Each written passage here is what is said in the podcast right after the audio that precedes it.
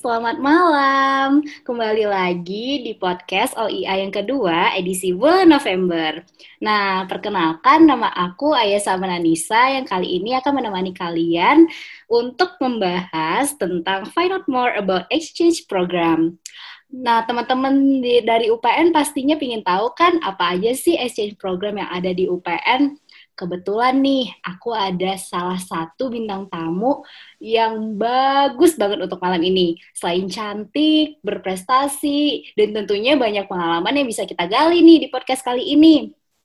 Langsung saja aku panggilin Mbak Karlina Devi. Halo Mbak. Halo Aisyah. Halo semuanya. Halo, gimana Selamat kabarnya Mbak? Sehat? Alhamdulillah sehat-sehat nih. Mm-mm, Oke, okay. biar supaya santai nih aku manggilnya Mbak Devi mm-hmm. aja ya Mbak. Oke. Okay. Oke, okay. Mbak Devi lagi ada sibuk apa nih selama masa pandemi gini? uh, kalau kesibukan kali ini aku lebih ke skripsi, terus mm-hmm. ada bisnis juga kemarin, terus mm-hmm. juga sempat aktif di beberapa komunitas NGO gitu di luar kampus. Wow, tetap aja ya mau di kampus, mau juga work from home atau study from home, tetap aja kita harus produktif ya Mbak ya. Ya, betul banget. Oke, langsung aja nih Mbak. Kan uh, teman-teman semua nih pada penasaran ya, Uh, program exchange yang ada di UPN salah satunya itu namanya Erasmus Plus Mobility Program. Nah, kebetulan nih Mbak kan udah pernah mengikuti program tersebut. Mungkin bisa dijelasin Mbak apa sih uh, exchange program yang bernama Erasmus Plus Mobility Program ini? Ya, uh, buat teman-teman yang belum tahu Erasmus itu apa, oke, aku jelasin dulu Erasmus sedikit ya. Jadi Erasmus itu uh, salah satu um, program dari Uni Eropa di mana di situ uh, menyediakan beasiswa buat S1, S2, S3 dan um, untuk penelitian kayak gitu. Itu hmm. biasanya di Eropa. Yeah. Nah, um, untuk Erasmus sendiri yang aku ikutin programnya kemarin itu ada namanya Erasmus Center for High Higher Education kayak gitu. Nah, itu um, exchange program Erasmus Plus Mobility buat student sama staff. Jadi itu programnya nggak um, cuman di negara Eropa aja, tapi buat uh, beberapa negara dan universitas di luar Eropa yang itu udah ada kerjasama sama um, negara dan universitas di Eropa kayak gitu. Hmm, berarti emang udah ikatan ya antara negara-negara yang nanti kerjasama ya Mbak ya? Ya, betul banget. Contohnya okay. tuh yang aku kemarin ke sana itu Hungari dan Indonesia. Oh, kemarin itu Mbak Devi ke Hungaria ya berarti ya? Hmm, iya. Oke, okay. Eh, selama di Hungari itu berapa lama sih Mbak untuk mengikuti programnya itu? Nah, sebenarnya dari Erasmus sendiri itu udah ada aturannya ya. Uh, jadi sebelum angkatan kayak gitu udah ada perjanjian di sana harus uh, satu semester atau enam bulan sampai dengan satu tahun karena itu emang beasiswa fully funded uh, scholarshipnya emang buat enam enam bulan sampai satu tahun itu belajar di sana gitu. Jadi kemarin aku alhamdulillah udah selesaiin satu semester di sana. Hmm, wow. Uh, Mbak Devi, kan kalau misalnya kita mau mengikuti program beasiswa seperti ini kan pastinya ada syarat-syarat yang harus dipenuhi nih. Nah, dari uh -huh. teman-teman sendiri nih penasaran apa aja sih syarat-syarat yang harus dipenuhi untuk mengikuti Erasmus Plus Mobility Program ini? Ya, uh, buat uh, program yang aku ikutin kemarin itu kerjasama UPN dengan Astrazi Karoli University di Hungari itu persyaratannya adalah mahasiswa yang udah lebih dari empat semester. Terus karena uh, kita nggak bisa milih jurusan ya di sana, jadi udah ditentuin kerjasamanya itu sama um, jurusan geografi di sana. Jadi itu lebih diperuntukkan ke mahasiswa pertanian, khususnya buat uh, agroteknologi sama ilmu tanah. Nah, itu hmm. menjadi persyaratannya. Terus yang persyaratan ketiga adalah um, IPK lebih dari tiga dan persyaratan keempat TOEFL nilai TOEFL itu lebih dari 450 kayak gitu atau okay. um, minimal level B untuk bahasa Inggris itu. Iya, iya, iya. Berarti kayak persyaratan pada umumnya ya, Mbak ya? Iya, betul banget. Oke. Nah, uh, terus selama program ini Mbak Devi itu melakukan kegiatan-kegiatan apa aja sih? Mungkin Mbak Devi bisa ceritain ke kita-kita apa aja yang hmm. kegiatan-kegiatan Mbak Devi lakuin selama di sana. Ya, buat kegiatannya banyak banget ya. ya. Dan tentunya perkuliahan itu jadi ada um, kuliah teori dan, dan praktik di sana.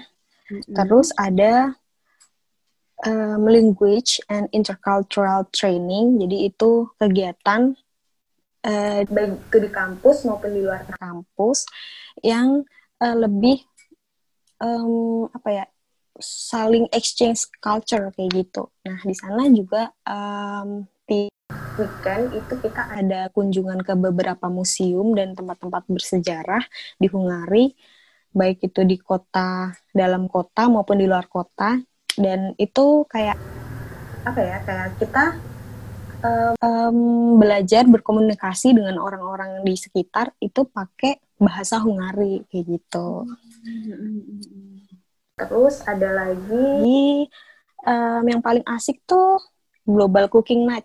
Jadi itu adalah salah satu event di di SLZ Karoli University yang kita eh, mahasiswa internasional itu dikumpulin di satu gedung, terus kita masak masakan dari eh, masing-masing negara, kemudian disajikan, kita sharing di situ. Nah di situ kayak kita nggak cuma masakan aja tuh, jadi hmm. ada uh, performance, ada tarian, ada musik, ada nyanyian kayak gitu dari negara-negara yang ada di situ kayak gitu. Terus ada lagi um, salah satu himpunan mahasiswa Erasmus.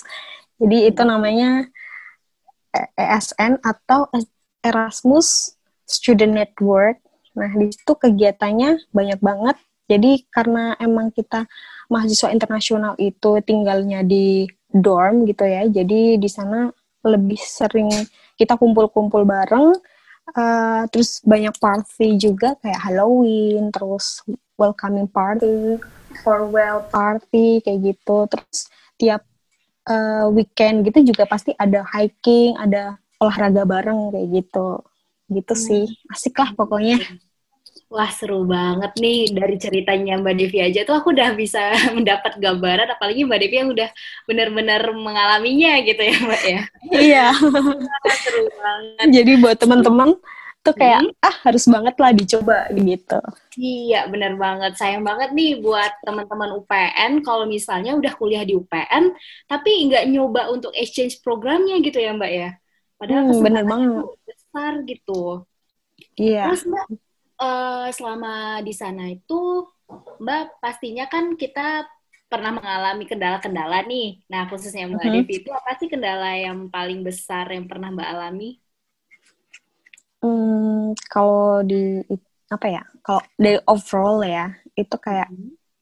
masih enjoy-enjoy aja sih karena emang perkuliahan di sana itu agak santai, terkesan santai karena um, dosen dan uh, meskipun itu udah profesor gitu ya sama mahasiswa itu kayak kayak kita tuh sejajar gitu loh jadi diskusi diskusi ya udah diskusi bareng terus belajar juga kayak kalau mahasiswa ke mahasiswa gitu loh. Jadi enak aja belajar di sana gitu. Kalau buat um, masalah apa ya kendala di perkuliahan sih kemarin aku sempet um, agak ini dikejar deadline juga gitu.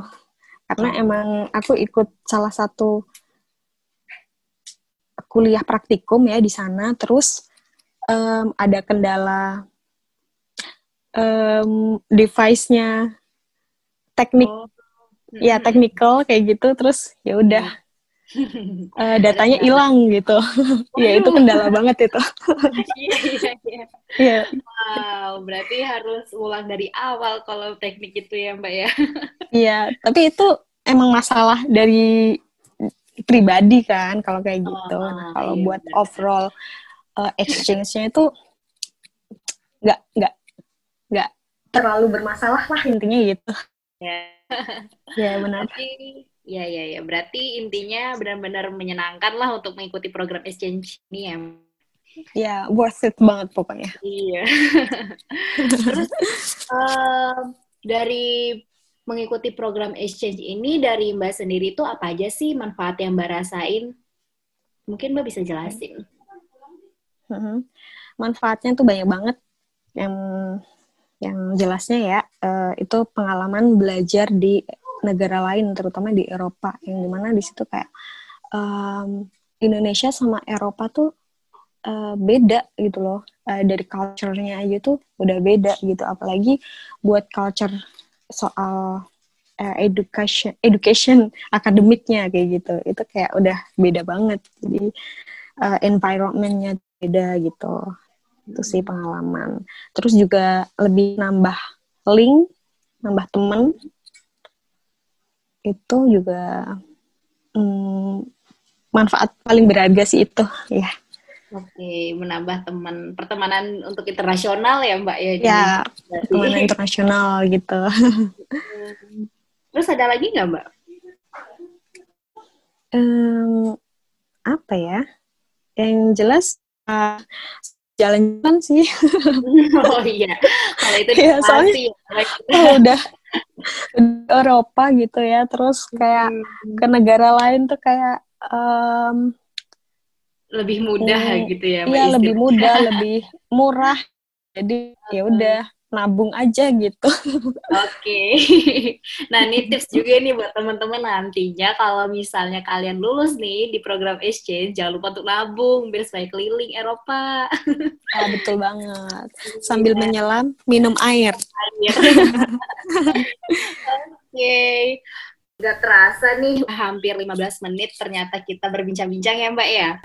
Eh, Mhm. Makasih banyak nih untuk Mbak Devi udah menjelaskan panjang lebar tentang eh, Erasmus Plus Mobility Program, tentang manfaatnya, tentang pengalaman-pengalamannya. Aku aja tuh dengerinnya tuh sangat-sangat excited gitu loh Mbak.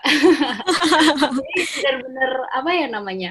Ayo teman-teman semua yang di UPN jangan menyerah untuk mencoba hal yang baru, apalagi ini tuh benar-benar worth it gitu ya untuk dicobain gitu. Ya, betul. Nah, ya, terima kasih ya Mbak Devi ya Mbak udah Sama-sama.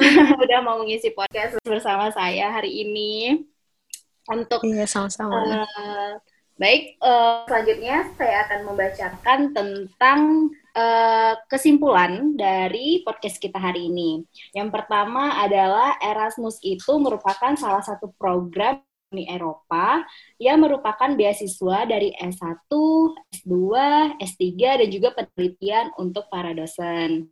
Nah, kemudian persyaratan-persyaratan yang harus harus dipenuhi ketika kalian mengikuti Erasmus Plus Mobility Program ini, yang pertama adalah mahasiswa yang lebih dari semester 4, terus kemudian di sana itu kita sudah eh, dipilihin untuk jurusannya. Khususnya Mbak Devi kali ini, dia memasuki jurusan geografi karena berkaitan dengan jurusannya yang ada di Indonesia, yaitu agroteknologi atau pertanian.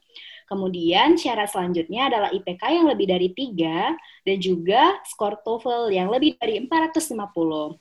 Nah, ada juga nih eh, kegiatan-kegiatan yang dilakukan selama di eh, Hungaria. Yang pertama adalah eh, belajar teori dan juga belajar praktik, kemudian mengunjungi-mengunjungi museum yang ada di Hungaria, belajar bahasa Hungaria, dan juga banyak sekali eh, kegiatan-kegiatan yang apa ya namanya kita tuh bisa belajar tentang budaya-budaya yang ada di luar negeri gitu. Contohnya itu kayak kita mengikuti Global Cooking Night dan juga ada E- ESN atau Erasmus Student Network. Juga untuk misalnya kendala-kendalanya itu nggak ada tadi Mbak Devi Mbak Devi menjelaskan karena dia tuh lebih uh, ke individualis sih. Jadi kita harus pintar-pintar untuk memanajemen waktu dan juga memanajemen uh, tentang belajar kita gitu. Dan kemudian uh, manfaat yang kita ambil itu yang pertama kali adalah menambah link dan juga bisa belajar tentang kebudayaan-kebudayaan baru yang ada di negeri. Mungkin itu aja untuk kesimpulan podcast kita pada malam hari ini. Ditunggu ya untuk podcast selanjutnya. Saya Ayah Samananisa selaku moderator pada hari ini. Jika ada kesalahan, mohon dimaafkan. See ya!